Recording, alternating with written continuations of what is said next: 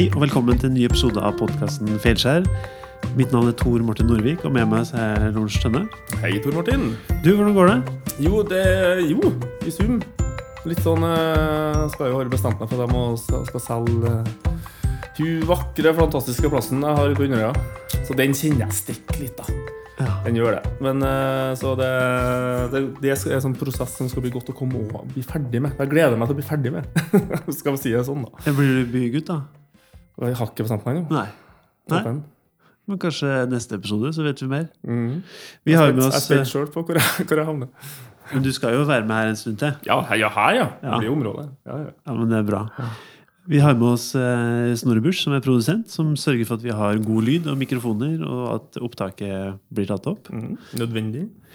Vi starter jo ofte hver, eh, hver episode og bare snakker om hva det er vi egentlig holder på med. Og det kan være greit, for noen ganger så har vi jo nye lyttere. Så hvorfor har vi denne podkasten om feilskjær? Nei, det her Vi starta jo, som jeg har sagt flere ganger, starta jo med at det var en idé som egentlig ja, vi litt sånn i kollektivt òg, men det var du som ga fart på. Og det var liksom begynne å senke skuldrene litt mer sånn profesjonelt. Så hvordan skal vi få feira på en måte det å Ikke det at vi skal feire det og så oppfordre til å gå på trynet, men vi må ufarliggjøre tror jeg, det er feilskjærene vi tar. da. Men så ser vi jo mer med at det, det blir på en måte, iallfall Mesteparten av tilbakemeldingene jeg får, som er ganske overraskende tilbakemeldinger, det handler jo om liksom, litt sånn generelt det å senke skuldrene i livet. litt sånn generelt. Ja. Ja, så derfor så har det blitt det blir bare kjenner jeg at motivasjonen blir viktigere og viktigere, nettopp pga. det òg. Ja, at det, er- det er folk, og vi feiler. Og vi eh, må ikke at vi skal hylle feilene bestandig, men vi skal få lære av dem og ufarliggjøre dem litt. Da. Vi skal ikke slippe å gå, vi må slippe å gå i kjelleren noen ganger. Ja. Ja, det er en god, eh, det er en god inngang. For i, dag, i, dag så har vi, I dag skal vi snakke med folk igjen. Åh, så godt å snakke med folk. Og eh, dagens gjest er Frank eh, Norvik. Han er reiselivsdirektør for Destinasjon Røros, og han er gründer av Retro, som da er en high-end eh, motebutikk. Han er driftssjef og medeier av Ertseide Gården, som er et koselig og eksklusivt familiehotell midt i Røros. Og så er han daglig leder av Røros Bryggeri. Og han, eh, han skriver på LinkedIn at han har egentlig bare opplevd eh, suksess med det han har holdt på med. Og så har jeg prøvd å google og se om jeg finner noe annet som tilsvarer at han ikke har det. Og det, det, er, det var veldig lite egentlig å spore opp. Eh, Men det jeg har skjønt, er at han eh, jobber fryktelig mye og gir gass selv når det på en måte er litt motbakke. Og det er det som kanskje har, har berga han. Men eh, hva, hva tror du? Jo, eh, det er en spennende fyr. Veldig spennende fyr. Jeg har jo kjent eh, Frank i noen år. Og jeg gleder meg til å høre om eh, Nå har ikke jeg googla det jo, men jeg regner jo med at det er noe gull her. For at med sånn fart og sånn spenning, så må det jo være noe. Det må oppstå et eller Ja, annet. ja. Ja. Skal vi bare sette i gang, da? ja kjør på. Tusen takk, eh, Frank, for at du ville prate med oss. Hvordan, eh, hvordan står det til? Du, så hyggelig å bli invitert. Ja. Kom fra Røros til byen og være med på podkast. Det, det er jo litt eh, eksotisk ennå på fjellet, det, vet du. Så nei, vet du, det står veldig bra til. Sola skinner ut, og og ser ut som sommeren skal henge en liten stund til. Og jeg som driver i bryggeribransjen, er jo veldig glad for det, for da drikker de jo litt mer øl. Ja, sola er viktig, den. Ja, det er faktisk det. For de som eh, er litt sånn usikre på hvem du er, har, har, vil du bare kjapt plassere deg litt på kartet, så at folk blir liksom mer kjent med hvem du er, og egentlig hva du holder på med? Ja, eh, jeg kommer opprinnelig fra Frosta, Nord-Trøndelag, som nå er en del av Trøndelag. Og eh, der vokste jeg opp i ni år, før jeg flytta i en, eh, en dagligvarefamilie og småbrukerfamilie. Vi hadde litt jordsbruk, og vi, og vi, vi drev dagligvare og gatekjøkken og bensinstasjon og videoutleie. Så jeg fikk på en måte jobba ordentlig fra jeg var veldig ung, både på åkeren og på butikk. Eh, og kanskje sånn arbeidserfaring som, eh, som er litt spesielt. Altså vaska jeg den store butikken vår i sentrum på Frosta den vaska jeg før jeg gikk på skolen hver eneste dag fra jeg gikk i 5. klasse til jeg gikk ut niende. Så det, jeg fikk eh, Jeg tror faktisk ikke jeg fikk en kronelønn for det.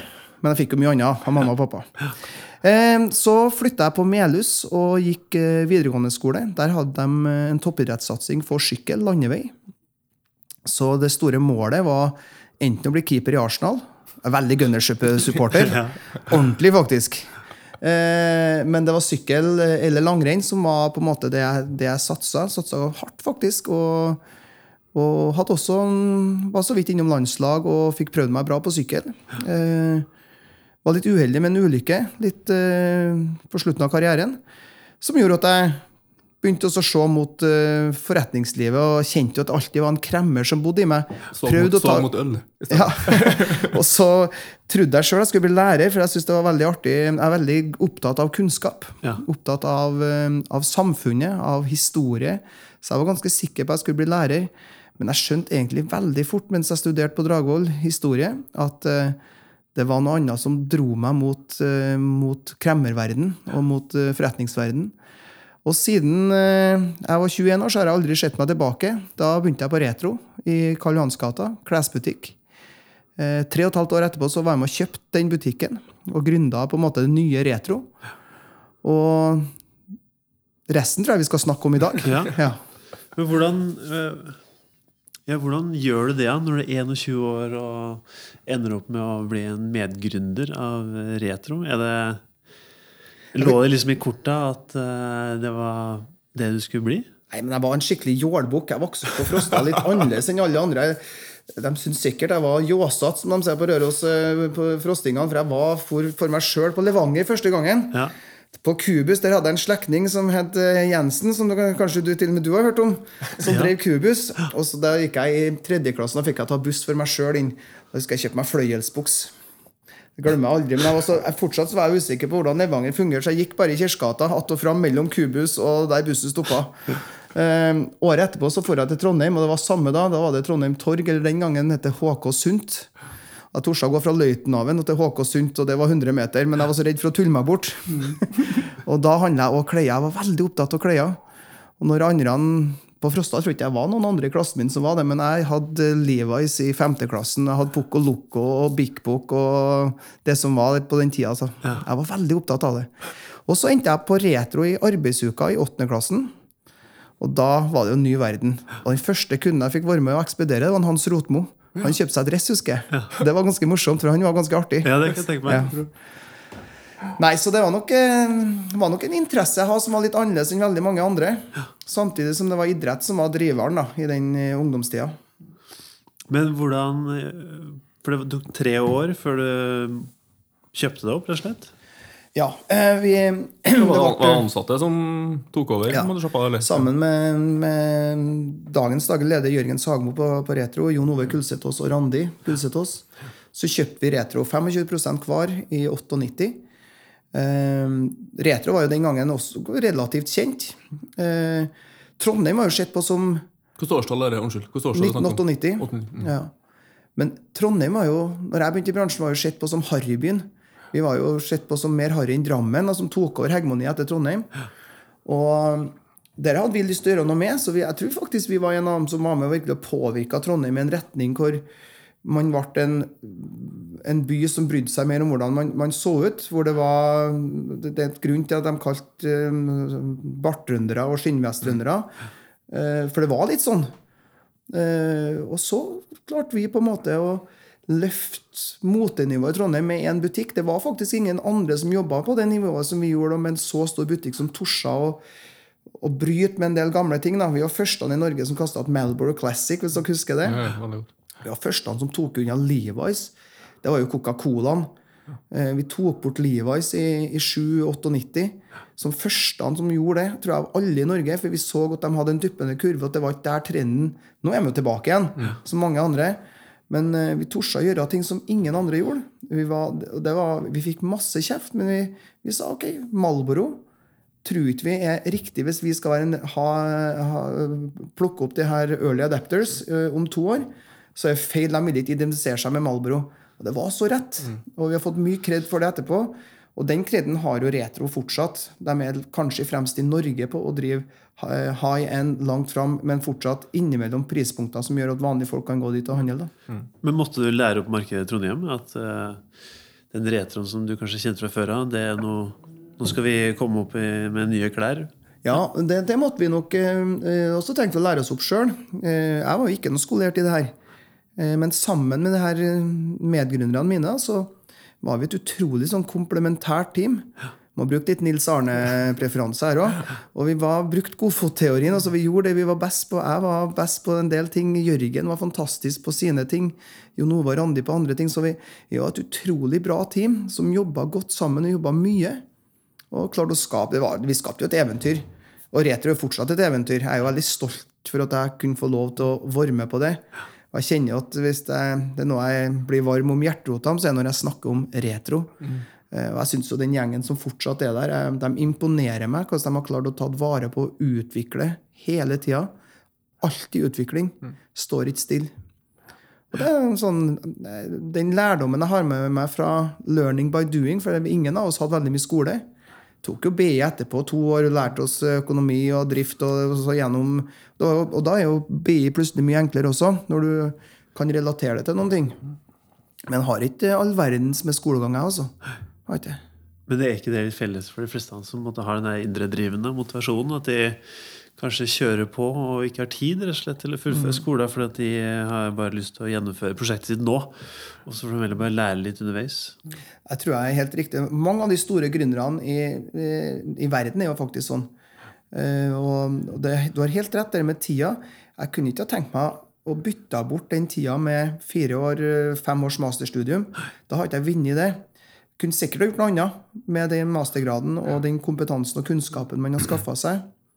For jeg tror veldig på kunnskapsbasert eh, drift. Jeg er altså veldig opptatt av at de er rundt meg nå. at eh, Når jeg ansetter folk, så skal jeg alltid ansette noen som er flinkere enn meg sjøl. Ja.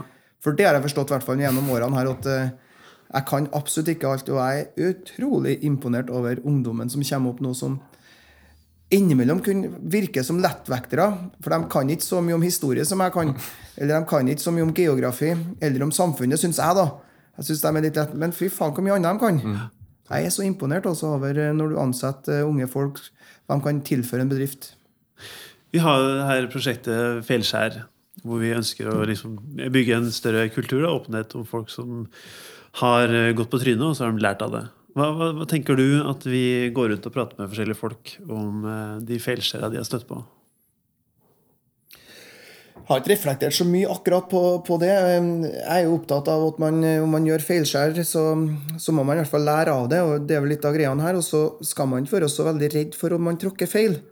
Eh, det er, det, det er jo ingen som er ufeilbar. Og jeg tror hvis man ikke gjør feil underveis, så så tror jeg man, da har ikke prøvd nok, da har man ikke gjort nok. Uh, jeg tror det er veldig få som har blitt flinke hvis de ikke har gjort feil. Jeg, jeg, jeg kan ikke se for meg noen.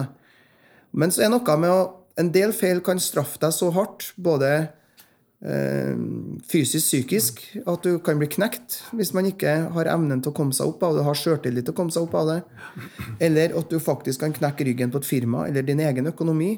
Sånn at man må også ha med seg en del sånne ting i, i bakhodet. Da. Når man går inn i business, så kan gjøre feil, men du må faktisk være litt forsiktig, sånn at du ikke drar med deg masse andre farlige ting ned altså, i, i, en eventuell konkurs eller en gjør at folk blir syke. Og det har jo skjedd veldig veldig mange.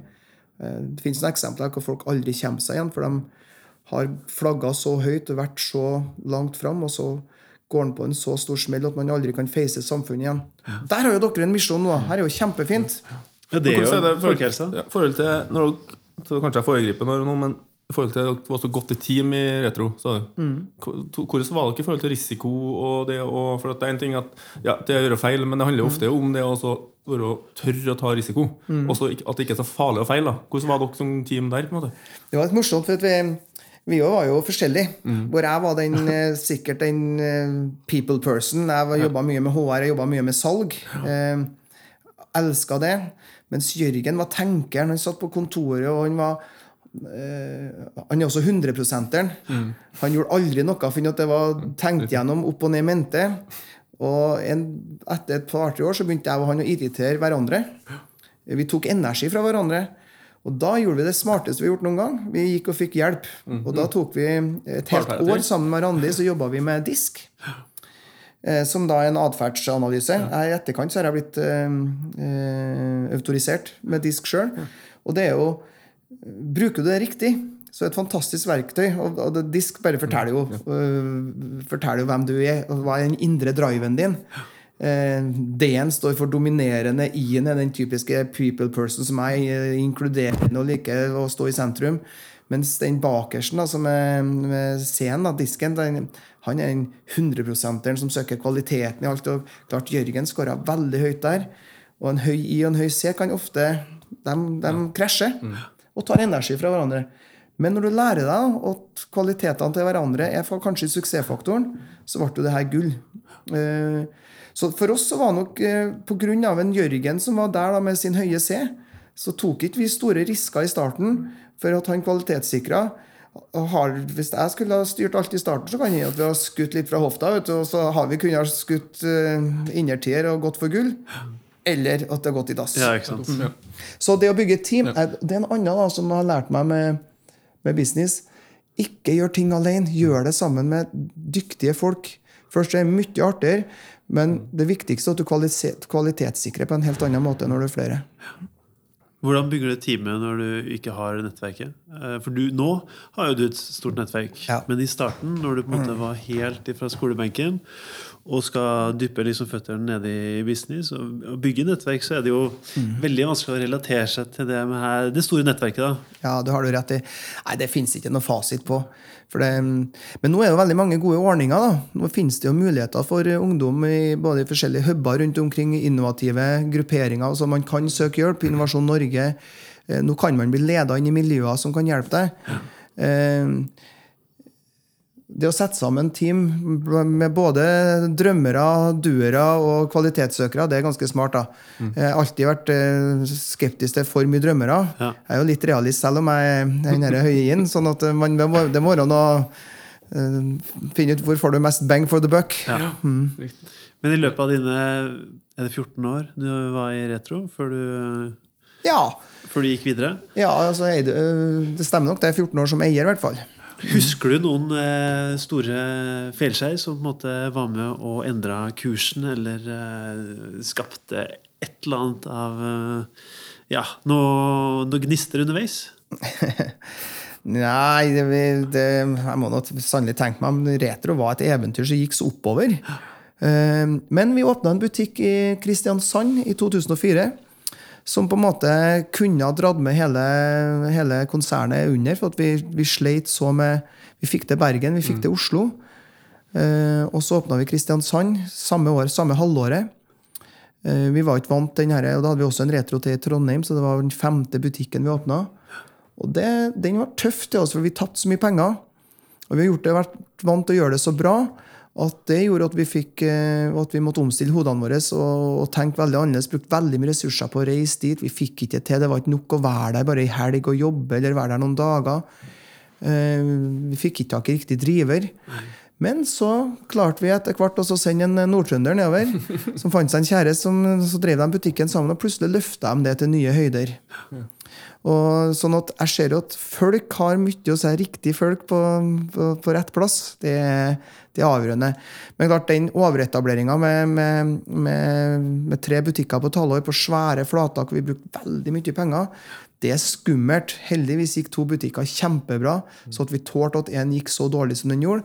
Men hadde de andre gått i null, og hatt den tredje som vi tapa penger på, så kunne vi ha dratt med oss hele konsernet ned. Det er alltid skummelt hvis du får for stor sjøltillit og, og, og, og går på for hardt, så kan du dra med deg, dra med deg noen ned. Også. Så jeg tror nok at alle skal tenke seg godt om. Altså ikke tenk for stort. Du skal tenke stort langt fram, men ta et steg om, gang, om gangen. Bygg sten for sten. Det er ikke så dumt også. Det har jeg lært meg litt mer om. da. Jeg er nok en sånn en som kunne ha gått for gull når jeg var yngre. At det var sky's the limit, altså. It's not the limit. Tenk, tenk høyere. Men hva er det du tar med deg fra, fra retroa? For at du flytta til Røros, gjorde du ikke det, på et tidspunkt? Ja da. Du solgte deg ut av retro, da? Nei, nei, jeg var med på retro. Jeg flytta i 2005, og det var egentlig bare et årsprosjekt. Jeg hadde en eh, mor som er fantastisk dyktig, og som jeg har lært veldig veldig mye av. Som drev et eh, lite pensjonat den gangen som het Ertskjædegården. Og mm, det hotellet drev hun med stort pluss. Men så begynte den moderne verden å ta inn, eh, ta henne. Hun hadde verken hjemmeside eller eh, e-postadresse. Og Jeg var sliten etter å ha åpna tre butikker eh, rundt omkring. og hadde lyst, altså Jeg er blitt pappa. Året før jeg hadde veldig mange reisedøgn med de her tre butikkene. Hvor jeg hadde ansvar for ansettelser og for innkjøp og opplæring. Og var veldig mye på farten både i Bergen, Kristiansand og Oslo det året jeg ble pappa. Og det var nok avgjørende for at vi for til Røros da i 2005. 1. mars flytta vi til Røros. Bikkjekaldt. Og skjønte jo ingenting hva vi gjorde. Altså, folk har vært villige til å gi høyrehånda si for å kunne få jobben som jeg hadde på Retro. Så valgte vi å flytte på Røros. Og kona mi har faktisk slekt på Røros. Er hun er fra Frosta, eller? Nei, hun er fra Trondheim. Tror jeg. Men mora hennes er fra Røros. Hun hadde masse slekt. Men det var, det var ikke hovedgrunnen til at vi flytta. Det var jo at vi skulle hadde mulighet til å få jobb, og så kunne vi hjelpe mora mi. Så vi jobba begge sammen på, på Ertseddegården. Fikk vi opp eh, hjemmeside og fikk opp eh, e-postadresse og var med på en måte på en liten sånn moderniseringsreise. Men det her er jo et helt annet marked. Ja. Så hvordan eh, Jeg skjønner jo at du er sliten, men hvordan er det at du bare jeg, nå, nå er jeg god på klær eh, og er god på folk. eh, Men nå er det hotelldrift. Er det, er det folka der også som på en måte du tenker er liksom suksessfaktoren som gjør at det er lett for deg å liksom skifte marked? da? ja, Det var faktisk lett å skifte hotell på den måten. Og så er jeg veldig opptatt, var jeg veldig opptatt av mat og vin. Eh, veldig opptatt av mat og vin. sånn at det hadde jeg med meg inn som en Jeg hadde jo ingen formell kompetanse annet enn at jeg drikker meg full ganske mye. Nei, men jeg var veldig glad i rødvin. Og, Å, det er så bra kompetanse, det. kommer mye. Nei, men jeg var litt faktisk Gjennom klesbransjen så eh, For det første så er business business. Altså det er Et regnskap ser likeens ut hvilket har ikke noe å si hvilket firma man driver. Eh, man må kjøpe noe som man selger litt dyrere for å tjene penger. Altså det, det er litt sånn bunnen til all business. Men eh, eh, det som er annerledes med hotell og restaurant, er jo at eh, mat er veldig vanskelig. Vanskelig å tjene penger. Og så er vi, er vi jo, der kan man jo fordype seg inn Det fins ingen ende hvor mye du kan fordype deg. Og så er ikke bestandig markedet der, så man må finne sin sjanger. da.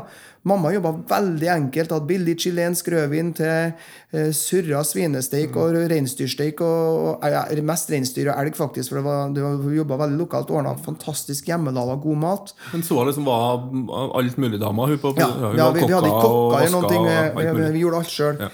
Mens jeg hadde lyst da, til å utvikle den tida flerretters menyer. Det var før sharing kom. Også før Mm. det var også Litt franskinspirert var jeg. Hadde lyst til å ha gode sauser, gode krispige forretter. eh, Hvor man jobba lokalt. da. Vi var en av de første plassene som jobba skikkelig med Rørosmat. Vi hadde på frokosten bare lokalt mat eller hjemmelaga mat allerede i 2005. Eh, og det her, det her lærte jeg av mora mi. Alt den biten der. Hun, hun var med og dro meg på det. Men så tilførte jeg hun kompetanse på hvordan en menneske ser ut i den store verden. For klesbransjen var det jeg skulle si i sted. Når vi, der er det litt sånn at når du driver retro, så blir du ofte invitert med på middag også. For veldig mange har lyst til å ha deg med, de vil, vil selge klær til deg. Og jeg var litt sånn at jeg var så interessert i mat at jeg var nesten alltid på kjøkkenet og prøvde å snakke med kokken. Hva gjorde du her? Hva, hva tenkte du her? Og, så jeg hadde litt kompetanse om mat, og så er jeg ekstremt sosial. Så jeg tror det er veldig få i Norge som har hatt flere rundt spisebordet sitt enn meg på middag.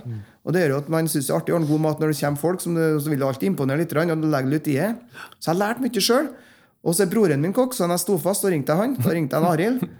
Uh, og sa nå har sausen skåret seg, hva gjør jeg nå? Så det, da, han, han, han kunne faget, så han kunne Nei, sånn kan ikke jeg. Men jeg kunne sette sammen gode smaker, veldig uredd. da. Ja. Så den første kunden jeg hadde, det var Norsk Veritas. Da får jeg mamma på ferie. For første gang, tror jeg. Siden hun kjøpte Ertsedegården i 96, så skulle de ei uke på ferie, og jeg hadde Norske Veritas, ledergruppa, langt over mitt nivå. Og så skulle jeg det var storveis alt. Jeg husker Da skulle jeg ha, ha lokal spekemat. Men da skulle jeg ha tre forskjellige potetsalater. Én lun og to kalde. Jeg vet ikke, men Kan jeg fortelle her? På, på, på, på, Men hvis jeg sto der, det var jækla travelt. Jeg sto for meg sjøl, gjorde alt, og kutta og ordna mat. Og så klarte jeg, og så tok jeg hele tuppen på fingeren.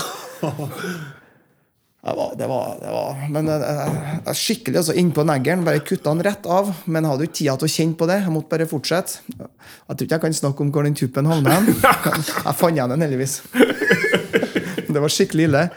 Og sånn holder vi på. da. Natt og dag. Opp og ordna frokost. Alltid to hjemmelaga salater. Alltid to sorter nyrørt jordbær og bringebær. Altså nyrørt med ikke, ikke kokt, altså. Det var fresh til oss. Og hjemmelaga silda. Tre, tre hjemmelaga silda. Alltid fresh på, på frokostbordet. Pluss alt det vanlige med skinke og lokal spekemat. og Nei, så jeg fikk, eh, fikk eh, lære meg mye nytt med det. Men akkurat det med businessen, den er veldig likens.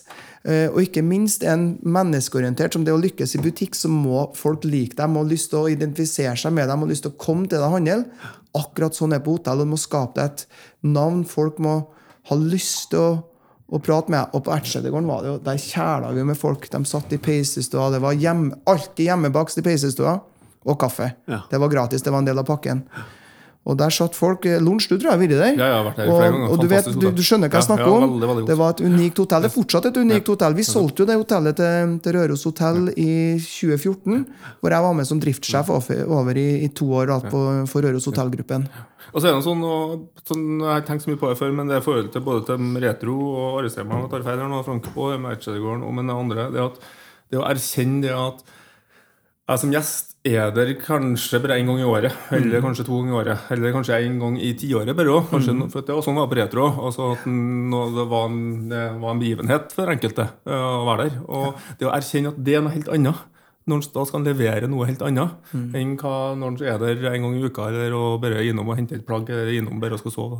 Så det er, noe, det, er det jeg også fikk med følelsen av hotellet. på en måte. Det, Ja. det, er- det, ja. Og veldig sånn hjemme. for jeg er hjemme. Det, Men, men, og det tror jeg var litt av greiene våre. Så vi, vi måtte gi veldig du, det Den jobben der var ikke for hvem som helst. Du måtte ha utrolig, du må være veldig glad til folk. Du må ikke bli sliten til å sitte med folk. Du kan ikke, du, hvis det sliter ut deg, så må du finne deg noe annet å gjøre. Men med da mamma jeg var så lik en sånn, vi ble ikke sliten til å være sammen med folk. Eh, det var ikke alle lørdagskveldene eller søndagsmorgenene jeg syntes var like eh, artig. Eh, men samtidig, folkene var stort sett så hyggelige. Så ble de så glad når de kom på Ertsetegården, for de følte seg litt dulla inn i et eller annet. Det var ikke gullkrana luksus, men det var luksus i hjemmekos. Og det tror jeg folk liker. Vennlighet. Vennlighet. Men var du til stede, var du sånn fysisk til stede og, som regel på hotellet? Ja. Ja. Vi var, En av oss var bestandig. I starten hadde ikke vi ansatte. Vi, men vi, vi, etter hvert så ansatte vi faktisk kokk. Det var det beste vi gjorde. Og så angrer vi på én ting til, at vi ikke ansatte en NK la med oss sjøl, som kunne ha tatt litt eh, baugen unna. Da tror ikke jeg vi har solgt det. Nei. Vi ble slitne, faktisk, for det ble Og så arrangerte vi mye bryllup. Siste året så arrangerte vi 15 bryllup. Og det var ofte fra torsdag til mandagsmorgen. Brudeparet kom kanskje onsdag eller torsdag, og, og det var, vi var her hele tida. Og vi la sjela vår i at ting skulle være 100% Vi snakka om feilskjær her. sant? Det kunne ikke gå galt på bryllup, for den viktigste dagen til alle sammen. De bruker, de bruker mellom 100 og 200 000 på et bryllup til oss. Eh, For de kjøpte hele pakka, de kjøpte hele hotellet. Og da kunne det ikke gå galt. Da måtte det være perfekt på kvelden. Det måtte være noen sånne opplevelser. vi måtte og, og det forsto vi, tror jeg, den der viktigheten av Litt som du sa, Lorentz, at når du kom dit, så kanskje var det bare en gang i året. Eller kanskje hvert tiende år. Da skal du ha en spesiell opplevelse. Og jeg må tenke sånn hver eneste gang det Men så, noe annet artig, vi, vi lyktes faktisk med reisende. Ja. Eh, enda vi hadde ikke middagsservering på kveldene. Det var, vi hadde kun selskap. Men til slutt så hadde vi jo en 15-20 av de reisende som bodde på, egentlig, på andre hoteller, for de syntes det var så trivelig. Men også med dem ga vi samme. Og de krevde faktisk det at mamma eller meg De var mest glad til mamma, tror jeg. Måtte sitte og drikke kaffe med dem. Og, og, og, på frokosten om morgenen så setter vi oss på bordet med dem. De satt alltid på bordet vårt. Vi hadde et eget bord vi innom som en del for at vi må, det var litt sånn at Hvis familien skulle møte meg, så måtte de komme dit. Så ungene mine vokser opp på Ertsedegården. Det er litt som på gård. Eh, Tor Martin, det vet du òg. Man, eh, man må samles eh, Det er der det arbeides. Det er der man møter folket. Jeg husker jeg snakka med en eh, sånn ny, ny hotelldirektør en gang, uten å si hvordan hotellet var. Men sånn, der at han var første, første driftsåret jobba enormt mye med salg og fikk dit masse konferanser. Og så, videre, og så, tenkte han over julebord og sånn. Men så liksom, månedene før jul da, tenkte han nå kan jeg slappe av. Men så skjønte han etter hvert at et av kundeløftene var jo at han skulle møtes. Det var stas å møte ham. Yes. Så han måtte jobbe hele tida. Så, så det var som, det var som første driftsåret. Jeg var ganske uerfaren i bransjen òg. Så han, han, har skjønt mekanismen i at den, den, altså opplevelsen i det å få møte sjefen. og få møte, altså som han var på Retro i sin tid. En stor opplevelse var det å bare bli solgt på. Eh? Og fordi at det Ja, eh, ja, altså, det er jo ja, bra.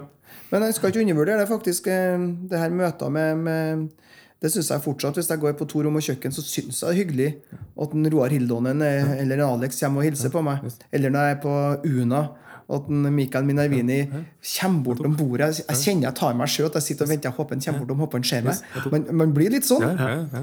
Der, der er jo prakteksempler på, på hvordan foreslo en gang til et- behandle mennesker. De toene, de treene jeg nevnte her nå, det syns jeg er et sånn det er noe unikt som fortsatt lever faktisk i Trondheim, som har gjort Trondheim til en bedre by å bo i og, og spise i. Det er to rom og kjøkken. Og, ja, det finnes mange av dem. Se på Nina på Søstrene Karlsen. Det er så mange som er så flinke til å ut blant gjestene sine. Ja. Jeg foreslo, jeg foreslo en gang til en av restaurantdriverne her i byen for lenge siden, sånn så når sosiale medier kom, om at eh, ja, du er jo ute så mye og reiser, så du må jo på knips bilder og noe sånt, sånt. Og så sa mennesket jeg kan jo ikke fortelle at jeg er borte fra restauranten. Så jeg kan ikke høre på knipse bilder når jeg er i Frankrike. Og så videre, og så videre. For det er noe av, eh, noe av opplevelsen er faktisk det å møte eh, driveren. Ja. Det er kjempeviktig. ja, det er ekstremt viktig. Det er ganske slitsomt da, for dem som Ja, må ta en runde hver kveld, og som Ja, ja. innimellom har lyst til å kose seg, sitte og drikke et glass vin sjøl òg. Og er i bobla si. Sånn. Men der var du eh, driftssjef i ni år. Nesten ni år. På, På Ertseidegården. Ja, altså der, der hadde vi ingen titler. Der jobba vi bare. Ja, mor og sønn. Ja, mor og sønn. Så der eh, vet jeg ikke hva tittelen men inni, Jeg var IT-sjef, Ja. det kan jeg si. Så var jeg markedssjef. og så var jeg kjøkkensjef i ganske mange år. Men der delte vi på. Mamma var så god på sine ting. Jeg var god på mine ting. Ja. Jeg ordna ofte de her eh, litt eh, finere tre- og fem- og sjuretterser. Mens hun ordna maten som folk digga. Elghakk med, med mandelpotetmos. Det var, hun, hun var konge på denne tradisjonsmaten. Men er det noen motbakker eh, som du kommer på i løpet av de her ni åra, som det kan være fint å prate om? Ja, altså det man skal Det finnes jo mange sånne kjøreregler i, i forretningslivet og i arbeidslivet. Sånn. Man skal jo være forsiktig med å, å starte business med familie. For det For man blir veldig ærlig til dem man kjenner godt. Og det er noe i dette uttrykket altså, De man elsker, tukter man. Og det tok vi oss i. Både jeg og mamma snakka mye om det etterpå. Vi var harde med hverandre også. Det small mellom oss. Vi, var, sant? vi la aldri noe mellom. Og det kjenner jeg kunne ha vært ondt hvis det hadde gått galt med oss. Det var, det var noen ganger vi, det smalt så galt at, eh, at eh, det var, Jeg tror det var utrivelig for dem som var rundt. Det har jeg hørt etterpå. Men vi tenkte ikke på det. Vi, vi er ganske hardhuda begge to. Eh, hun er et råskinn. Hun sånn, hun kunne jobbe 17-18 timer i døgnet. Flere dager på rad. Bare fikk vei å og hvile seg en halvtime i stolen sin. Og så, så var hun og dusja seg, så kom hun tilbake, så kjørte hun nattvakta. Um, Så det, jeg måtte stå opp tidlig da jeg skulle henge på hun. Hun var, hun var flink. Uh, utrolig evne til å kunne stå på. Nei, så det, det her med å velge, Igjen tilbake til å velge samarbeidspartnere. Man skal tenke seg om både med familie og gode venner. Det er ikke, jeg syns ikke det er det ultimate. For da må man i hvert fall ordne noen kjøreregler som gjør at det er høyt under taket. sånn at ting må tas opp. Eh, Og sånt er avklart, Men så er det ikke så veldig lett å avklare sånn på forhånd, for at situasjonene forandrer seg hele tida. Og vi gjør det samme nå på det nye andre prosjektet vårt på Røros, som er Frost-butikkene, motebutikkene. Det er et rent familieforetak. Niesa mi har kjøpt seg inn. Dattera til broren min da, fra Telemark hun kom opp, og hun driver nå herrebutikken. Eh, Kona mi ansatte ansatt storesøstera si som NK på butikken, og dattera vår jobber der. Sånn at Nå er vi gått opp i samme fella igjen, men det går heldigvis veldig bra. Men, men vi har prøvd å avklare det her at vi, det skal være høyt under taket. Vi må ta opp ting hvis skoen trykker. Men så er det lettere å si at det er sånn enn hva det er i realiteten. Og jeg tror Det er ikke for alle sammen. altså. Du skal være hardhuda skal ha litt erfaring hvis du skal gjøre det. Så må du se stort på ting. Det tror jeg faktisk er en av mine beste egenskaper. Jeg ser ganske stort på ting. Men, men Bruker du diskmetoden på din egen familie? Eh, ja, vi har, vi har faktisk brukt den eh, Da jeg leide inn ekstern. da. Eh, det er en rørosing som er veldig dyktig på disk, som heter Gard Erik Sandbakken. Han driver et firma som heter Kommuniké. Han, han var med og oversatt disk i sin tid på 90-tallet. Han er helt fantastisk. eh, Mange i Trondheim har brukt den òg. Han har vært med og gjort firmaet vårt for oss til å og annet her med familieforholdene, sånn at vi skal avklare rollene våre. Ja. Og, og, ikke minst det her med å vite hva er som trigger Anna, kona mi, som er daglig leder, mot søstera, mot Arikke, som da driver herre. For det, Hvis du lærer deg noen sånne triks med disk, f.eks. mellom det som var med meg og Jørgen, så fikk jeg, fikk jeg, beskjed om at når jeg skulle forklare noe til Jørgen, så måtte jeg ta meg litt bedre tida. Mm. Jeg måtte ikke bare rope ut med samme 'Jørgen, fiks det'. Det funka ikke på han. Han ville ha trengt litt mer ro, ville ha en litt grundig innføring, for ellers ble det useriøst for han. Mens han fikk motsatt beskjed til meg. Hvis du skal gi en Frank et oppdrag, gi han oppdraget, så løser han det. Mm. Han vil ikke ha for mye detaljer. Det finner han ut sjøl. Og det stemmer. Mm. Og når vi lærte oss det, så ble vi et eh, radarteam. Også. Vi ble så gode sammen. Vi utfylte hverandre helt fantastisk. Men før det så tok vi energi. Det tok et år eller to hvor vi stal litt for mye energi av hverandre og ikke skjønte jeg syns han var en ost, altså sirup, og han syns jeg var en cowboy, tror jeg. Ja, ja. Men du flytta jo til Røros for å liksom egentlig slappe litt av. Ja. og så går du inn og gjør et pensjonat om til et sånn eksklusivt lite uh, vennlig sted. Og så bygger dere veldig høy prestasjon rundt det å på en måte levere på et høyt nivå, som gjør at uh, det holder på å ta knekken på dere. Og så starter du med klær igjen. Hva, hva, er det med ordet 'slappe av' som kanskje ikke ja, treffer så godt? da? Nei, jeg, har, tror ikke jeg har så stort behov for å slappe av noe lenge om gangen. Klærne starta vi faktisk med en gang. Ja. Eh, eller relativt fort. Når vi skjønte at vi skulle bo på Røros, så kjøpte vi, kjøpte vi den største butikken på Røros. For den kom, jeg fikk mulighet til å kjøpe den. Eh, og så fikk vi opp et vennepar fra Trondheim. Igjen bygg komplementære team som jeg skjønte dem kan vi kanskje trigge. Et ungt par flytta opp fra Trondheim og eide 50% av butikkene. Butikk, en butikk først. Og, og, det var suksessfaktoren vår. Våre beste venner, faktisk, igjen. Mm, gikk godt i fylla hele tida. Men det var utfordrende. Våre beste venner flytta opp til Røros. Vi lurte dem opp på Røros. Og så dem uten barn, vi med barn. Uh, og, men det var faktisk med oss og dem var det en suksessfaktor. Men det var mange der hadde vi mye trøbbel underveis. Eh, og hvor man kanskje skulle ha vært enda ærligere noen ganger til å ta opp ting. For der ble det vanskelig. Der avklarte vi ikke godt nok på forhånd. Litt for ung når vi gjorde det. Eh, Starta butikkene, ja. Og så jeg drev jo da Ertsedegården sammen med min mor. Eh, jeg vil være forsiktig med å si at jeg gjorde om Ertsedegården, for der var vi virkelig to. Og også mannen til mamma Trygve var med på, på Ertsedegården. Eh, vi hadde forskjellige roller, men jeg var nok den modernisten oppi det. Og når vi da bygde ut i 2009, hvor vi i løpet av ett år steg i gradene i Norge og faktisk eh, ble topp tre-hotell på alle målinger i Norge. Vi ble sammenligna med The Thief og Vallaker hotell på Vestlandet. Vi hadde samme scoren som dem både på TripAdvisor, Booking.com. 9,3 var høyest i Norge på hotell. Og 2012 så ble vi faktisk eh, med i finalen i Norges beste frokost. Scandic Nidarven vant jo igjen da for et eller annet endte gang. Mm.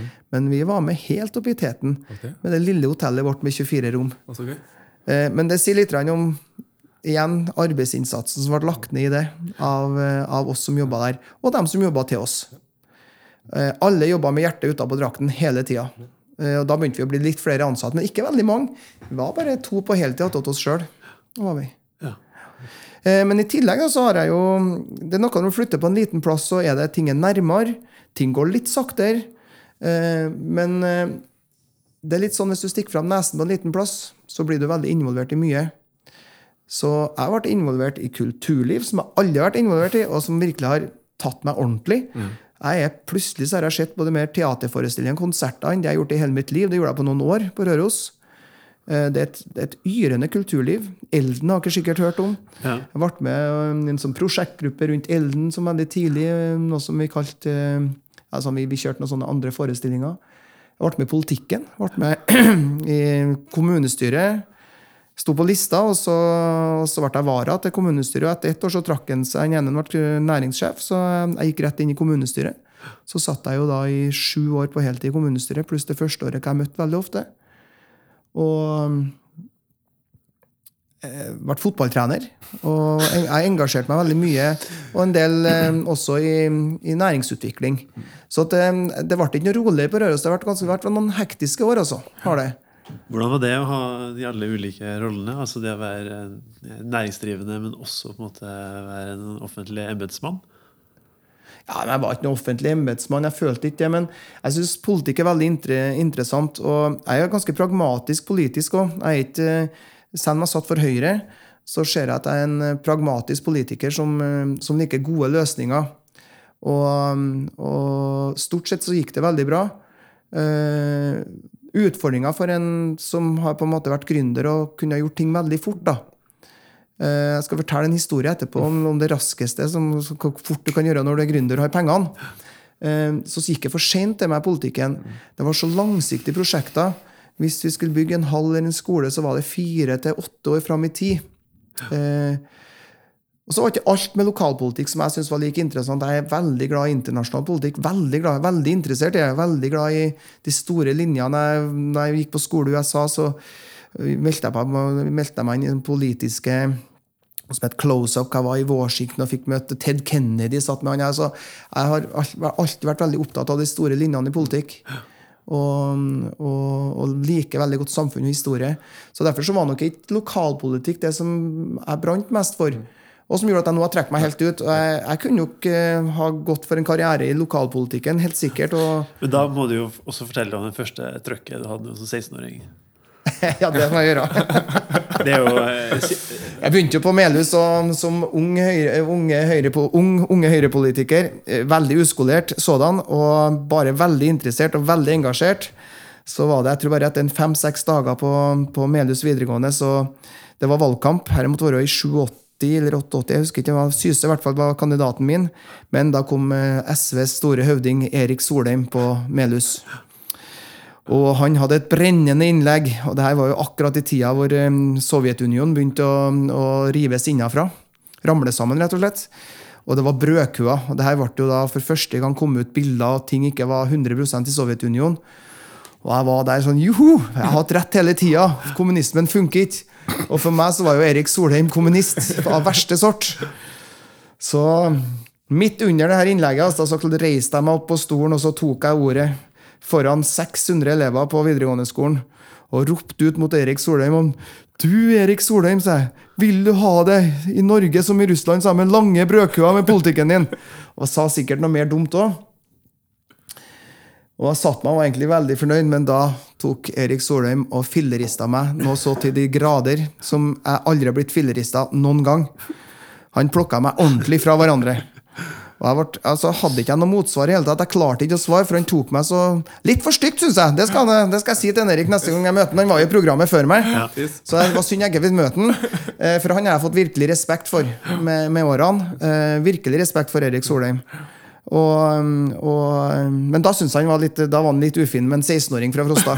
ja. Som var på alene for første gang ute i den store verden. og likevel videre på politikken. Ja, bra. Men du Og så er jo litt nyere tid, da, hvor du har starta med Røros bryggeri og mineralvannfabrikk. Der har jeg skjønt at du måtte komme inn og, og kanskje hjelpe til med en en slags restart. Hva var det for noe? Jeg tror bryggeribransjen er det her er det vanskeligste jeg har gjort. Det må jeg si, det er det vanskeligste Jeg har gjort. Jeg har aldri sagt ja til den jobben her hvis jeg skjønte hva godt det er. Selv om jeg satt som medeier og satt i styret i seks måneder før jeg gikk inn, så skjønte ikke jeg hvor vanskelig det her var, og hvor ille det sto til faktisk med firmaet. Eh, jeg har gått inn med ganske mye penger i det firmaet sjøl, eh, fordi at jeg det var så mye flinke folk på Røros som var med på det. Blant annet Michael Forselius i Britannia var en av gründerne som fikk inn meg. For jeg jobba jo som driftssjef til han på Røros, Røros hotellgruppen før han gikk til Britannia. Og vi var et firma som holdt på med mye. Veldig gode tanker og ideer. Man prøvde å bygge et miniorkla på Røros gjennom det her suksessmiljøet i Røros-matmiljøet. Men det man ikke tenker på, at hver enkelt av de fem forskjellige aksjeselskapene som vi drev, så var ikke nok ressurser bakom. Det var daglig leder og produksjon, men det var, det var, ikke noen til å bygge merkevare, selge merkevaren, selge produkter. Eh, så vi tapte penger på alle firmaene, som gjorde at man i løpet av de årene og endte opp med meg, hvor vi la ned alt av andre ting enn Røros bryggeri eh, og, og mineralvannfabrikk. Vi holder på med majones, som var smaken av Røros. hvor Vi laget, vi hadde egg fra Gardervollen gård og ordna god majones. Det har de tatt over sjøl, for det passer bedre inn i businessen til Gardervollen gård. De ordna en fantastisk lokal majones, som da starta hos oss. Ja. Eh, vi hadde et eggknekkeri som kosta veldig mye penger der, som de også har tatt over. Vi hadde et vannprosjekt sammen med Glåmåsvatn som vi kjøpt, kjøpte ut, eller fusjonerte med dem, og kalte det Rørosvatn. Skulle bli stor på vann. Eh, Det har vi også solgt ut igjen til de opprinnelige gründerne på det. Og vi hadde noe som heter Terroir Røros, som da var det her, vi hadde et økologisk bærmottak. som er, Jeg tror vi var først i verden til å få det som et terroir, godkjent à la champagne i, i, i Frankrike. Eh, Så fikk vi Terroir Røros på bær, så vi hvert år nå så får vi sende brev til alle kommunene med å få en eh, deklarasjon på at de ikke har sprøyta Ja. ute i marka. Det er ikke verre enn det, men eh, det er ganske mye arbeid med å bli, å få et økologisk bærmottak. Så vi selger jo økologiske bær nå, håndplukka bær da, til hele Norge. Og, Men er men, det innunder bryggeri? ja, det, vi ordner jo da den her perlende tyttebær og blåbær, som er de, de produktene her som er fantastiske brusprodukter. Eh, men i hvert fall så så vi det her gikk jo ikke. Det holdt på, det holdt på gikk eh, ordentlig galt. Vi tapte penger i alle ender. Nå har vi stramma inn. Vi skjønte at det vi holdt på med i går, var ikke bra nok. Vi har eh, Etter vi nesten gikk konkurs i fjor vinter, i 2018, så satte vi oss ned med ansatte og min nye investor Dag Odne Sandbakken. Han var med også fra starten. Han var Det er en litt morsom historie. Oldefaren hans starta Røros mineralvannfabrikk i 1900 blank. Oi. Og så var det bestefaren hans som drev det videre. så han het eh, eh, Det var Oliver, Brus-Oliver som var, som var oldefaren, og så ble det en Brus-Erik, altså bestefaren hans, og så var faren hans som tok over. da. Og så har han og broren vært investorer til oss. Så han har gått inn med ganske mye penger. Det gjør at vi nå var gjeldfri, og vi skjønte at vi er nødt til å faktisk snu på flisa. Bryggeribransjen er knallhard. Én ting er at Ringnes har 73% av markedet og bruker markedsmakta si ganske tøft mot uh, både oss og, og dem som er større. Nummer to er at uh, vi craft-bryggeriene har overetablert oss. Uh, jeg tror vi har dobla oss i løpet av de siste fire årene. Jeg tror vi er 100 og- jeg tror vi er 147 bryggerier som er, driver kommersielt og registrert i bryggeriforeningene, som må rapportere inn tall. Vi må rapportere inn alt vi selger. Eh, Det er altfor mange av oss, og i Trøndelag er vi flest av alle. Her er tettheten størst på craftbrygg. Eh, Røros bryggeri havna litt mellom to stoler. Når man ordna bryggeriet, så skulle man ordne øl til mat. Eh, Derfor ble det ikke med på Pale Ale og IPA-bølgen, som kanskje alle bryggeriene har hatt suksess med. De som har hatt suksess, har hatt suksess på gode IPA-varianter. Mens vi på en måte sto over det, for det, er ikke det man lager til mat. Gode kokker sier at det er ikke, det er ikke matøl. Og det gjorde at ikke vi var med på det i starten. Og tapte på en måte en marked, markedsandel. Selv om vi har vært nest størst i Trøndelag, kun Austmann som har vært større enn oss hele tida. Så vi har alltid solgt bra, og vi har vært over hele Norge. Spellolaølet vårt er et av de mest kjente ølene i Norge av Craft Bryggeri. Er lager. Men så gikk vi oss sjøl, og så begynte, tok vi med bryggerne, alle ansatte, og så spurte vi dem eh, hva skal vi gjøre. Så sier bryggeguttene de toene her at eh, vi har lyst til å bli kjent for kvalitet. Vi er så lei av å gå på byen og få kjeft for det vi er på å lage. Det er ekkelt. Og rørosingene de legger ikke noe mellom. altså. De kan finne på å si til deg når du står på og jeg drikker ikke det pisset ditt. og det er ikke så kult for dem som har stått og laga, for du lager jo med hjertet. Jeg kjenner noen fra Røros, og det høres ut som dem. Ja. Ja. Eh, så første, første dagen vi satte oss ned i mai i fjor, 2018, så kom vi opp med den setningen her. Vi skal, det skal være kvalitet i alt. For alle. Alltid. Og det er ganske deilig for en daglig leder som meg. da. Det skal være kvalitet i alt vi gjør, fra bryggeprosessen, eh, produktene vi gir fra oss, til salgsprosessen, til oppfølginga i etterkant, hvordan jeg behandler mine ansatte. Det ble en, måte en ny leveregel for oss. Den bruker vi, tar vi opp hver gang vi møtes nå. Kvalitet i alt, for alle, alltid. Og så gikk vi gjennom hele det repertoaret med 24 øl som vi hadde. Spurte vi hva er vi stolt over. Hva kan være med oss videre? Det var ikke så mange typer som bryggerne sa at det her kan vi gå 100% inn for. Vi har lyst til å se på en ny retning, ny stil. Kjempeartig for en daglig leder. Her er jo verdens beste mulighet. Vi kan, vi kan faktisk restarte noen ting. og for eieren, Dag Odne. At du har sånne medarbeidere som ønsker faktisk å for, fornye alt vi holder på med. Så, som regel så er en fornyingsprosess veldig slitsomt i, i alle firmaer. Det fører til sjukmeldinger, det fører til altså det er fandens oldemor. Folk vil egentlig ikke forandres. Den gjengen her ville forandre. Så var, jeg, var, jeg, er veldig heldig med, det, med den gjengen jeg jobber med. Og det endte opp med at som jeg har gått ut i avisene med, noen som har stått eh, som jeg har fått faktisk både pass eh, fra en del, og veldig mye gøyere fra en del utebransjer. Blant, at jeg sa at hvorfor i all verden skal vi holde på å prakke på folk øl som de egentlig ikke, eller produkter de egentlig ikke vil ha? Kan ikke vi lage dem like isteden? Og jeg har alltid tenkt at hvorfor kan ikke vi lage en premium pilsner, en pilsner som folk syns er den beste? Men da skjønte jeg ikke hvor vanskelig det var å lage en sånn pilsner, for jeg er jo ikke fagmann. Jeg er jo markedsmann og salgsmann. Så øh, vi, vi var en lang reise. Og så igjen Man har litt tur noen ganger, da. Det skal jeg innrømme. Jeg har tur ganske ofte, altså. Eh, vi skjønner at vi må begynne å filtrere ølet vårt. Hvis vi skal lage et volumøl, så må det filtreres. En pilsner. Og så skjønte jeg at den bryggemetoden vår er jo ikke bra nok, men det må hjelpe å filtre litt. Da tar vi bort litt av den baksmaken som de kaller bløt hund. og det er jo døde gjærceller. Ja. Men i hvert fall så undersøkte vi destillasjonsapparat over hele verden.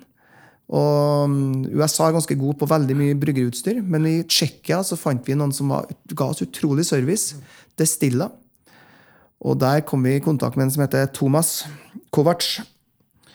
Og det på en måte forandra alt vi holdt på med, og det forandra situasjonen min fullstendig. Vi møtte de hyggeligste folkene, fagfolkene. Og i Tsjekkia der er øl fag. De har gått fem-seks år på skole for å bli ølbryggere, maltere og filtreringseksperter. Alle hadde mastergrad fra universitet i ølbrygging. Og um, de kom, og vi kjøpte filtreringsapparat. De hjalp oss med det. De begynte å skolere, oss på brygging. Inviterte oss ned til Tsjekkia. Her er vår pilegrimsreise, her er vår oppvåkning. Noen ganger, Her er min sånn største oppvåkning som, som bedriftsleder når vi kom dit, så skjønte jeg at vi, du, vi var ikke så gode som vi trodde. Vi har lært altså så mye av de tsjekkerne. Vi lærte oss en helt ny måte å brygge på. Nøyaktigheten deres, renholdet deres, måten de gjør det på. Dere aner ikke. Altså, hvis man kikker negativt mot, uh, som veldig mange nordmenn gjør, mot Øst-Europa, mm. så ta det tilbake. Tsjekkerne, det var kvalitet fra A til Å. Mm. Vi kommer hjem med ny kompetanse og brygger vår første pilsner som er fantastisk. Og andrebrygget det setter vi i produksjon. Eh, klarer å ordne en avtale med Coop, så vi kommer blir speisa inn på de største butikkene deres i Midt-Norge. Speisa inn betyr at du ikke står i hylla da, med de 150 andre sortene ja. med dyrt lokaløl, men vi kommer på torget sammen med Dals og Carlsberg og Tuborg. Og så tar det to dager, så ringer de fra Opp City Syd. Vi må ha en ny palle. Oh, god følelse. Dagen etterpå ringer de fra Ops Lade og skal ha en ny palle. Men hvordan klarer du å få de her gode plasseringene? Er det, er det nettverk og Ja, det, det, er forhandlinger. Man har jo Etter hvert så har vi begynt å kjenne dagligvarekjedene. Vi vet hvem som sitter og tar avgjørelsene. Så det er jo rett og slett eh, salg- og forhandlingsteknikk. Det, altså, det er jo ikke teknikk, man må ha et godt produkt. Du må oppføre deg som folk, så må du kunne levere. Du må være profesjonell. Og det er ikke for alle faktisk å holde på med det her, altså, for det er ganske vanskelig. Dagligvare er en tøff bransje. Og de skal tjene penger. De er ikke interessert i å ha noen som ikke rullerer varene sine. Og jeg vet jo det går det 14 dager nå at den eh, pallen ikke rullerer, så er jeg ute igjen. Mm. Så det er ikke noe kjære mor. Men, eh, men, det skal de ha. Coop uh, Midt-Norge. Med, med, ledelsen der. Med både en Kjetil Kvarteig, som driver lokalmat for hele Midt-Norge, og en uh, Bjørn Vik Mo, som nå er assisterende direktør i hele Coop Midt-Norge. Og um, Randi, som driver med lokalmat, de, de, har gjort en fantastisk jobb. Uh, har de gjort også. Og de, de er veldig fremoverlant. De, de ønsker å, å, å, hjelpe lokale. Mm. De ønsker å få fram, få fram lokalmat. Og det gjelder hele Trøndelag. også. Det er ikke bare Røros. som Her er Inderøya, som du bor på lunsj. De har jo et kooperativ uh, DNA som gjør at de skal måte, få fram uh, lokale produsenter. Ja, det, det, tror jeg kanskje. Men jeg tror, jeg tror like mye det at de, skal, at de ser at det faktisk er et businessfortrinn, mer ja. enn kooperativtanken. Jeg tror faktisk ikke den gjør på samme måte som før. Nei. Bitt. Bitt for bekrefta. Det er. Bra. Så har jeg hørt om en annen snuoperasjon som du har vært, vært med på, som også har vært ganske tung. Og det er jo Destinasjon Røros. Eh, Og der har jeg lest at eh, det selskapet var i en litt sånn kritisk periode i 2016. Hvor du da kom inn og skulle prøve å, å finne en ny kurs. Hva, hva skjedde der, da? Ja. Det er nok eh, det vanskelige Den gangen før jeg begynte med bryggeriet sånn, her, er en, her er et annet kaliber igjen. Jeg har fått en destinasjonsselskap. De fleste destinasjonsselskapene i Norge sliter jo. For man er avhengig av offentlige tilskudder for å kunne drive dem. Det er veldig sjelden at næringa sjøl ser behovet for å bruke så mye penger som et destinasjonsselskap trenger. Destinasjon Røros var i en unik posisjon. Er en unik posisjon. Man har hatt dyktige medarbeidere over mange år. Eh, man bygde opp Det blir den første bærekraftige destinasjonen i Norge. Sertifiserte. sertifiserte. Som gjorde at vi vant eh, priser. Eh, internasjonale priser. Eh, helt til Japan for man den ene gangen for å hente en pris som var virkelig av de store. Vi var nok flaggskipet for alle destinasjoner i Norge. Det her kosta mye penger underveis. Man, tok, man brukte litt for mye penger, mer enn det man hadde. Og som gjorde at man kom i en kritisk situasjon. Eh, men så skal det sies at på tur dit da, så var det tatt veldig mye gode valg. Eh, hun Linda Ramberg, som var direktør den gangen, hun gjorde en fantastisk jobb for, eh, for destinasjonen. Veldig respekt for jobben hun gjorde. Og, og så ble jeg da leid inn i 2016, spurt om jeg kunne tenke meg å, å gå inn og se om det var noen mulighet for å, å berge selskapet, for da, hold, da, hold, da kunne det gå konkurs. Da skjønte ikke jeg hva jeg tok på meg. Og eh, det var en, eh, det var en eh, vanskelig periode. Her skjedde i slutten av april. Og allerede uka etterpå så var det årsmøte. Og det er klart at når noen må gå, som har jobba hardt og med hjertet utapå drakta for destinasjonen, må gå fra, fra det selskapet, så skaper det også splid blant medlemmene, som var 180 private, 185 private medlemmer. Hoteller, overnattingssteder, butikker, eh, turopera altså Alt mulig som var medlemmer. Pluss seks eller sju kommuner som eide selskapet. Eh, her var ikke noe kjære mor. Her var, her var brutalt og stygt. Og, og på mange måter sikkert kunne ha vært behandla annerledes av det styret som satt den gangen. Men det kan ikke jeg på en måte Det hadde ikke jeg noe med å gjøre. Jeg sa ja til et oppdrag. Jeg visste ikke noe for bakgrunn. noen ting. Jeg sa ja til et oppdrag, men skjønte ikke konsekvensene av alt det som hadde skjedd. skjedd da. Oppdraget var da rett og slett å ikke gå konkurs. Ikke gå konkurs var oppdraget mitt. Kan vi berge det? Finnes det noen mulighet her? Og det her var et oppdrag jeg aldri har hatt før. Jeg har jo gjort mye rart. Jeg har vært gründer og på en måte bygd opp, men jeg har aldri berga noen ting, for tingene mine har gått ganske bra. Eh, Så her fikk jeg virkelig smak på det å gå i kjelleren og snu hver en sten og være i tue og, og finne, ut, finne veien ut.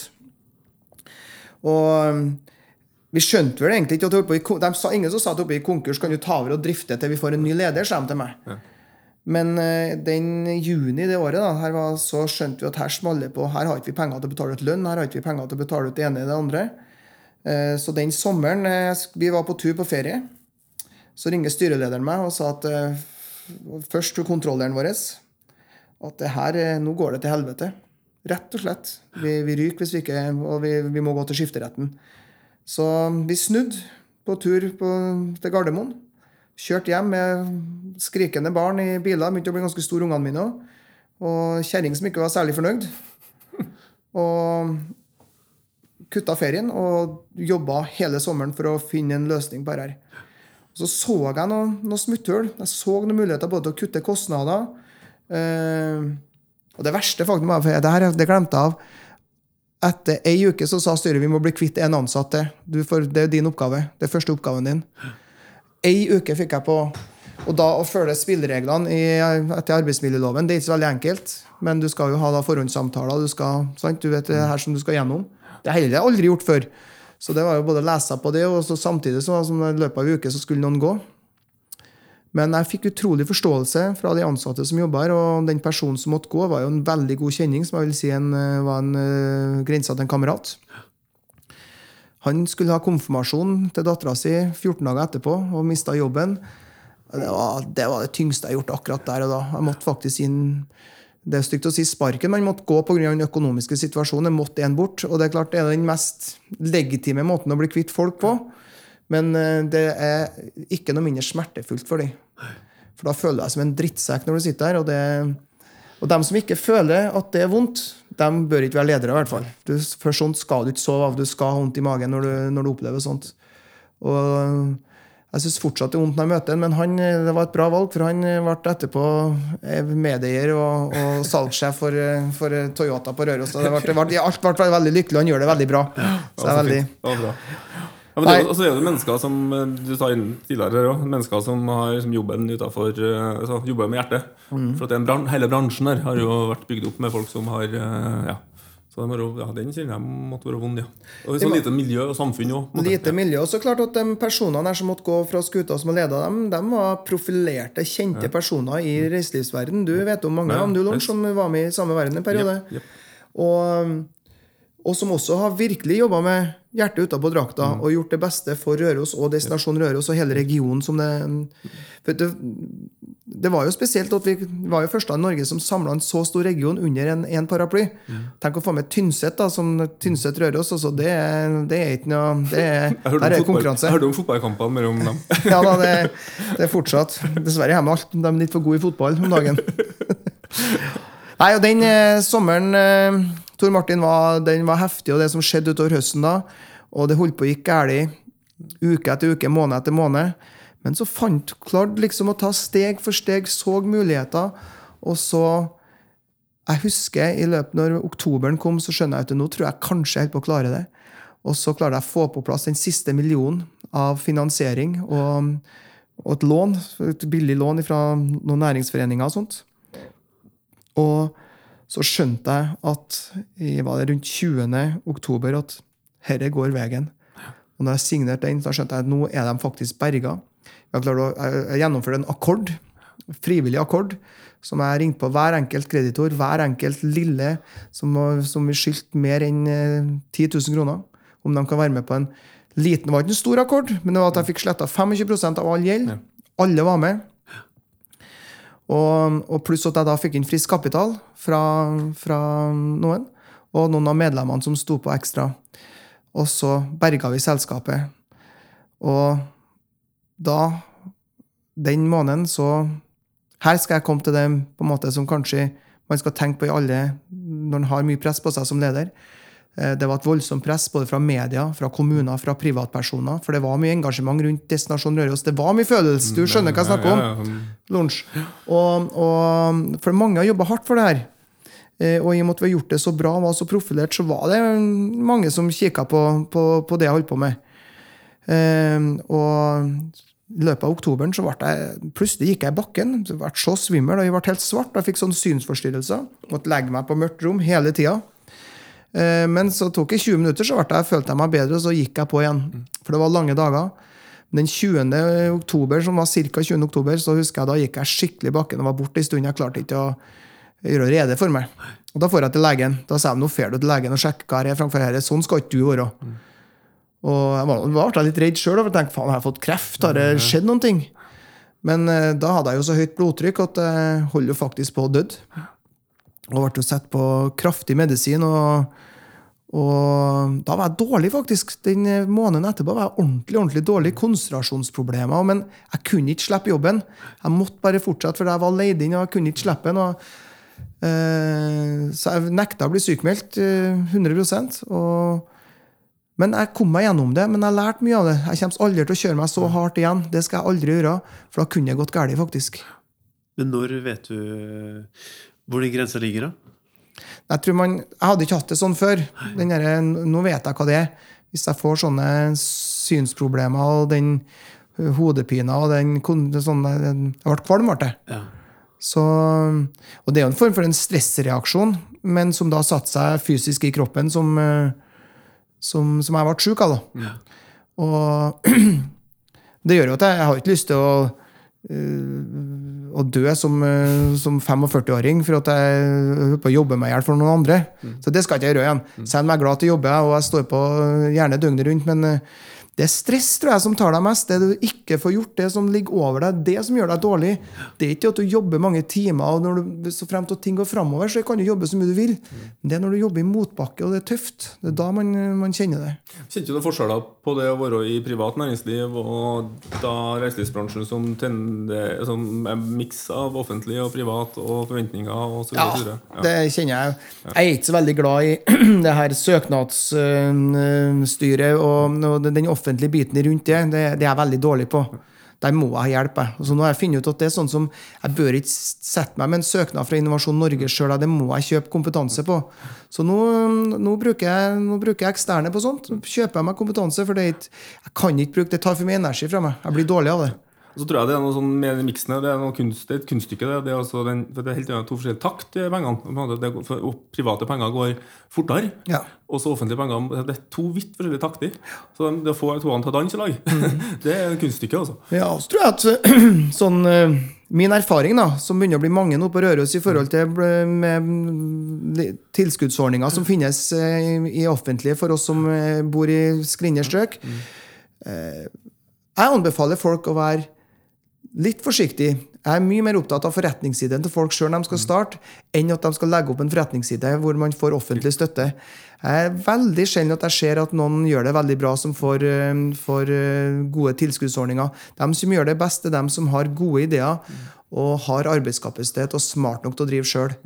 Og så finnes det mange gode initiativ fra offentlige eller private som kan være med å hjelpe deg å få på plass ting. Sånn, og Da kan man bruke eh, sånne midler, men ikke starte opp en bedrift og si at jeg er avhengig av 100 000 fra Innovasjon Norge. For det kan man ikke være. Men Da bommer man. Ja, men det å få midler eksempel, til å leie inn mentorer eller, altså få Ja. Mm. bruke som verktøy innimellom, og være god til å identifisere når, Ja. når verktøyene her trengs. Riktig. Det tror jeg også. Og da hør på de verktøyene. Og så må være, være flink til å sile ut verktøyene sine. Altså. Hør på de riktige folkene. For det er mange, mange som du ikke skal høre på. Det har jeg lært meg også. Det er mange man ikke skal høre på. Men det var jo en god, eller i hvert fall en erfaring. da det Du har jo tatt, noe, du har tatt de rundene der med å skal berge ting. Du har bare hatt med på en måte, Hva du har tatt med Tar du med noe i det videre? Du skal nå leve i 40-45 år til, du. Så Det er klart, det er jo, det er jo først når du det er jo først når du havner Når du skal berge ting, eller ting går dårlig, at du må begynne å bli kreativ. og du må Det er ikke noe vanskelig å være god i, i, i medgang. Da er vi gode alle sammen. Og det er litt sånn relatert tilbake til fotball, som jeg er ganske opptatt av. Så er det klart at eh, forskjellen mellom himmel og helvete Hvis du tenker Horneland i Rosenborg jeg er medlem av en del Rosenborg-forumer. Hva folk fikk seg til å skrive også, før 16. mai og etter 16. mai om at Tove Dyrhaug, om en Ivar Koteng, om en Horneland, om Rosenborg og hele styret. Eh, Og det var på hundrevis, om ikke tusenvis, som skriver som de kjente virkelig hva som foregikk innom veggene der. Og så ser man hva som skjer hvis du står ved noen ting, hvis du tror på planen din. Stick to the plan og, og hold deg til det du tror på. Og så har vi nå sett noe av det beste vi har sett på Rosenborg, av Rosenborg på mange mange år. Og det tenker jeg, Her kan vi også lære mye av i arbeidslivet. Så tenker jeg Vi som mennesker må lære også noe om hva vi faktisk tillater oss å ytre oss om. For det er nesten ingenting som har gjort meg så sint som Rosenborg-supportere den våren her.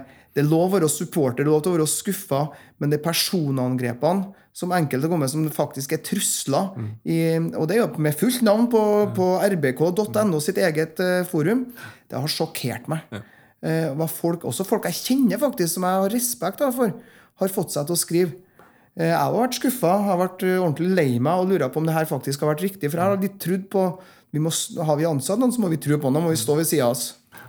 Men, eh, men eh, vi har lært litt av den eh, Rosenborg-greia. Ja, de ga han tillit. De, de støtta han, de gikk ut én etter én og støtta han, Erik Horneland. Og nå er vi tilbake og leverer eh, på, på, på, på, på veldig høyt nivå. Og det er, en, det er litt samme i arbeidslivet. Vi må tro på det vi holder på med, og jobbe hardt. fordi om det er mange synsere som kommer og sier at du må ikke gjøre sånn, du må gjøre sånn isteden. Jeg har et spørsmål som vi bruker å avslutte med. Og det er hva er ditt neste potensielle feilskjær? Jeg har, jeg har noe spennende på gang, som jeg, det tror jeg ikke jeg kan begynne å snakke om her. Men det er, det er et potensielt fe- feilskjær, for jeg er litt for gammel til å begynne med, begynne med det. Og Men jeg blir det sykling? Hæ? Er det sykling? Nei, det, hallo. Det må bli nedoversykling i så fall. Speedsykling. Nei, eh, nei da, det, det, det er businessorientert, og det, det Og det er nok, eh, det er nok eh, noe som, som, er, som er i framtiden. Eh, og som er nettbasert, som er, men som jeg, jeg har lyst til å være med å skape mer på Røros. og skape arbeidsplasser og, og bidra inn i det samfunnet som jeg har blitt så glad i. Eh, og det involverer både bryggeri og andre ting, men eh, nå i første omgang så er det Nå skal jeg smi mens jernet er varmt på bryggeriet. Vi har eh, fått en unik posisjon eh, av bryggerier i Norge. Vi er plutselig attraktive både for utesteder og for dagligvare. Jeg har ett mål. Det skal jeg uttale her nå. Det er jo ikke første gang som får høre det. Det at i løpet av ett år nå så, så skal jeg være på en nasjonal kjede på Speisand på torg på, med, med øl og alkoholfritt øl. Og får jeg til det, så blir jeg den første av småbryggerne som har klart det. Det tror jeg ingen har vært i nærheten av å klare. Men eh, jeg tror jeg skal klare det. Åh, så kult. Ja.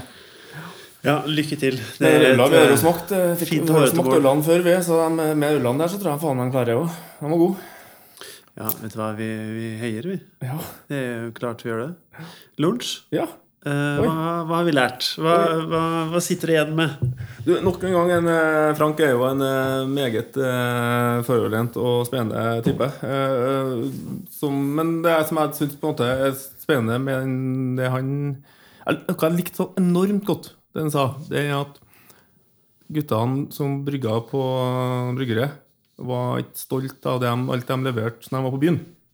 Og det der tror jeg er noe som er viktig, altså at denne snuprosessen at den starter med hva er det jeg som produsent hva er jeg som lager, hva er jeg stolt over å fortelle vennene mine, hva er jeg stolt over å se på forspill, hva er jeg stolt over når jeg er på ferie og sier at, altså, at de som er liksom, kjernen i et sånt håndverk, da, hva de er stolt av å lage. Og så da, da kommer kvalitet eh, for alle alltid, eh, som da blir en sånn grunn Og det handler om da, deres stolthet. Og så må da på en måte leder, eh, ledelse gå Og der klarer en å der, klarer en å skape en sånn trygg ramme på det, så tror jeg vi er inne på med feilskjær og det vi har prata om i forhold til at det skaper rom for å teste og feile og prøve seg fram innenfor noen sånne rammer som handler om kvalitet. Da. Og Derfor likte jeg veldig godt den der stolt, at kvalitet handler om en stolthetsfølelse. Um, og så likte jeg veldig godt dere tankene med å bygge team. Det er også en sånn i forhold til det med risiko og sånn at en da er er litt det samme. Det at en er trygg på Det har vi snakka mye om i, i podkastene før òg, det med å, at en er trygg i ei gruppe på det å så tørre å ta risiko. For en vet at en kan, kan komme tilbake til teamet igjen. Og, og så er vi, rydder vi opp sammen, eller vi tester sammen. Men altså tvert at den, ja, så den, eh, Det var sånn spennende å høre fra retrotida at de måtte bruke litt tid på det å finne altså, gjøre det til sin fordel, det som tok energi. Da. Og så sånn, en sånn sideting det er med, synes jeg er spennende med en person som har jobba kun i næringsliv, privat næringsliv i Trondheim, og så kommer til Røros, og så begynner det å engasjere seg i politikk og i Elden osv. Og, så videre. og det, det er noe av det viktigste næringsutviklingene vi holder på med på bygda, er nettopp det å bygge dette økosystemet.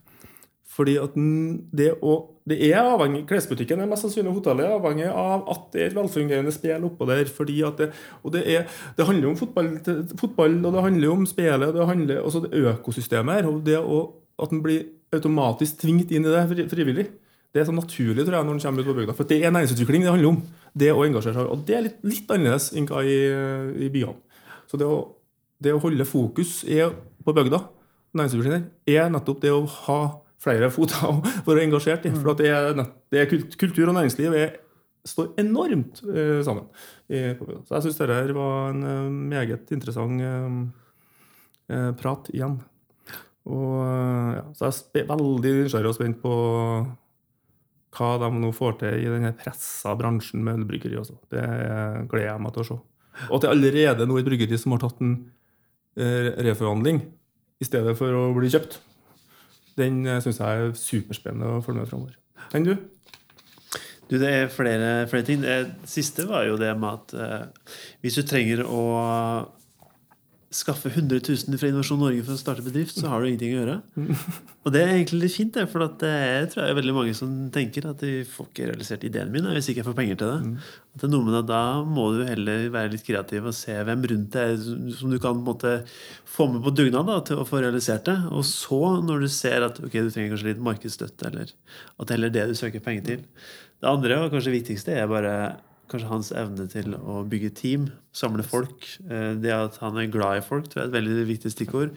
Eh, hvis folk satser ned på bordet deres på, på hotellet for å prate med dem, så er jo det et veldig godt tegn. Det er jo noe med den vennligheten, empatien, som du møtte. Og det er veldig fint det, at en gründer ikke er der pga. penger, men han er der pga. folket. Og at du har det her indre driven, og at det er kanskje det som får deg til å ha ønske om å skape verdi. da. Jeg tror det er kjempeviktig. Jeg tror veldig mange kanskje mister litt fokus noen ganger og tenker heller mer på bunnlinje enn at uh, det er jo folka som skal ha det bra. Og han sier jo det at han ble jo sjuk når han skulle være bøddel og gi folk sparken. Og det er jo fordi at uh, da går han jo med hjertet på utsida. da. Og jeg tror, jeg tror, det er viktig. Og så er det egentlig det han sier, som vi har blitt sagt før. Ikke ta ansvar for noe som du ikke har kontroll på. Ikke ta eierskap for noe som du ikke kan styre. Det er fordi at det, det blir bare stress av. Da, da, tror jeg du må finne et mørkt rom ganske fort, og så bare ja, slappe av litt. Ja, og så er det uten at en skal skryte opp en Frank Sumera, men det er noe med å stå rakrygga etter sånne prosesser med Destinasjon Røros i et sånt lokalsamfunn. For jeg vet nå av de menneskene som måtte gå, og det var enormt dyktige mennesker. Uh, så det å stå rakrygga etterpå i et lokalsamfunn, det skal ha stor respekt av. Også. Og derfor, ikke minst etter en sånn smell. Da har vi kommet til den delen hvor vi har en avskjedsgave. Og da Det er jo rett og slett om vi har noe vi kan sende videre til våre lyttere. Altså er det noe de siste syv dagene som har skjedd, som det er verdt å, verdt å dele. Og da spør jeg deg først, Frank. Er det noe siste syv dagene som har vært eh, litt sånn ekstra stas? Ja, vet du. det er faktisk det. Og det, jeg kunne fortalt om mange ting, for jeg er ganske glad. Altså, jeg, jeg, jeg, har evnen tror jeg, til å bli veldig glad over ting. Sånn, og så har ikke jeg evnen til å bli så sint, så heldigvis er jeg på en plussida og blir veldig glad. Men eh, i helga så kjørte vi ned til Trondheim for at dattera vår skal begynne på, på, skole. Hun er bare 15 år og begynner på videregående. Blir 16 år. Og så Samtidig var vi invitert i 45-årsdag til en god kamerat, Jørgen Brann. Eh, og Han tok oss med hjem til en Visit Bjørn ute på Ila. Mm. Hvor han gamle huset til Anne B. Ragde. Og der inne i dette lille huset her, der inviterer en Bjørn Fjellvær, som en kjent trubadur og har skrevet mange fine tekster. Han serverer sin egen mat, og så synger han mellom. Og det var noe av det hyggeligste jeg har vært med på på år og dag. Eh, med våre beste venner fra trondheimstida. Er en gjeng på tolv som har holdt sammen eh, veldig lenge. Eh, og så gikk vi på stereo, og der møtte jeg hele Trondheim, som jeg innimellom savner litt. Grann. Jeg har aldri angra på at jeg flytta på Røros, men jeg har jo fått gjennom den retrotida et veldig stort nettverk. Og der var de nesten alle sammen. Eh, nå skal det sies at De fleste av dem var ikke så veldig interessert i musikk. De sto på vinteltet og mingla. Men eh, nå var ikke, jeg synes ikke det var stereo all verden av, av min musikk på, på lørdag, for det var ganske hardt. Testament var for tøft til meg, altså. Mm. Han, han, The Dogs med han Kristoffer Schou var også litt for tøff til meg. Altså. Så jeg gikk gjennom bare, men jeg skulle borti spesialølteltet for å hente meg god øl. Ellers så, ellers så gikk jeg fort forbi, og så gikk jeg på vin, vinbaren. Nei, så det gjorde meg glad. Også, det er så artig å vite at etter å ha bodd på Røros i 14-15 år, så er det nettverket i Trondheim. Det er der, og jeg har møtt alle sammen. Nesten alle sammen. Jeg har møtt i hvert fall på hundrevis av dem mm. på Stereo helga. Og det var artig å være på Stereofestivalen. For jeg har alltid vært på fotballcup den helga med unger. Og nå var endelig dattera for gammel til å være på cup akkurat den helga. Så jeg kunne gå på stereo. Så kunne jeg bare nyte å være, ha på meg skinnjakke og føle meg litt tøff i helga. Ja, så herlig. det høres ut som en ganske grei helg, det. Ja. Og så vant vel Arsenal òg. Og ikke minst. Jeg fikk ikke sett det. To, men, to seire på starten her. Da. Det, ja. Emery, han ja. Nei, Jeg har litt trua på sesongen her nå. Så eh, den, nå drev jeg og sjekka om det er mulig å komme seg over til, til, til, England. Så hvis det er noen Arsenal-supportere som hører på podkasten, så er jeg et lett bytte å få med over til England også. Men jeg vil sammen med Arsenal-supportere som skal være med å synge og gå på Arsenal-pub. Og du stiller med øl, sier Få fly over. Forspill. Herlig. Og du har lunsj? Ja, jeg har jo kontakt med meg men et uavgjort på Westham eh, ja, Det er jo en glede det, det er når han er Westham-supporter. Og når han røyk på en 5-0 i første serierunde, så er 1-1. Det skal han eh, være glad for. Nei, eh, egentlig en sånn konkret liten ting. Jeg, liten er for stort for meg og min sønn. Vi baka sjokoladekake av han i går. Og maken til glede når han fikk lov til å ordne alt sammen sjøl. Spist uh, både bakepulver rett fra boksen og vaniljesukker rett fra boksen, og fant ut at vaniljesukker var bedre enn bakepulver. Ja, og det smakes det var, ja, det, var veld, det var en helt sånn enormt fin opplevelse. Så den uh, Finn ei superenkel sjokoladekakeoppskrift og bak. Det var nytt for meg òg. Ja. Det var veldig fint. Så jeg tror det er sånn helt, den tror jeg Det gjorde meg sånn enormt glad. Ikke? Jeg har eh, to sånn sikkerstikk. Mm. Eh, to små konkrete ting. Det ene er kakaoen på Bakklandet skistasjon.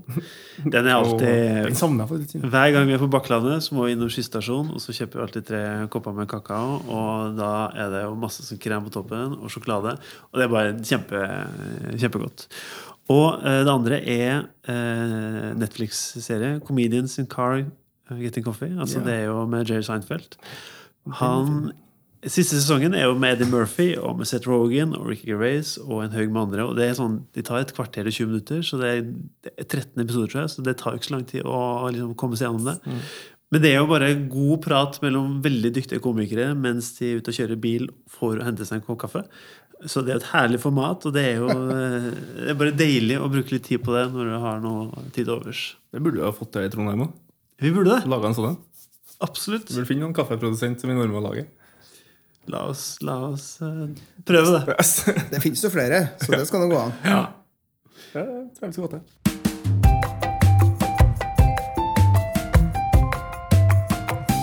Tusen takk til dere som har lytta på oss eh, så langt. Og nok en gang, Frank, tusen takk for at du ville være med og prate med oss.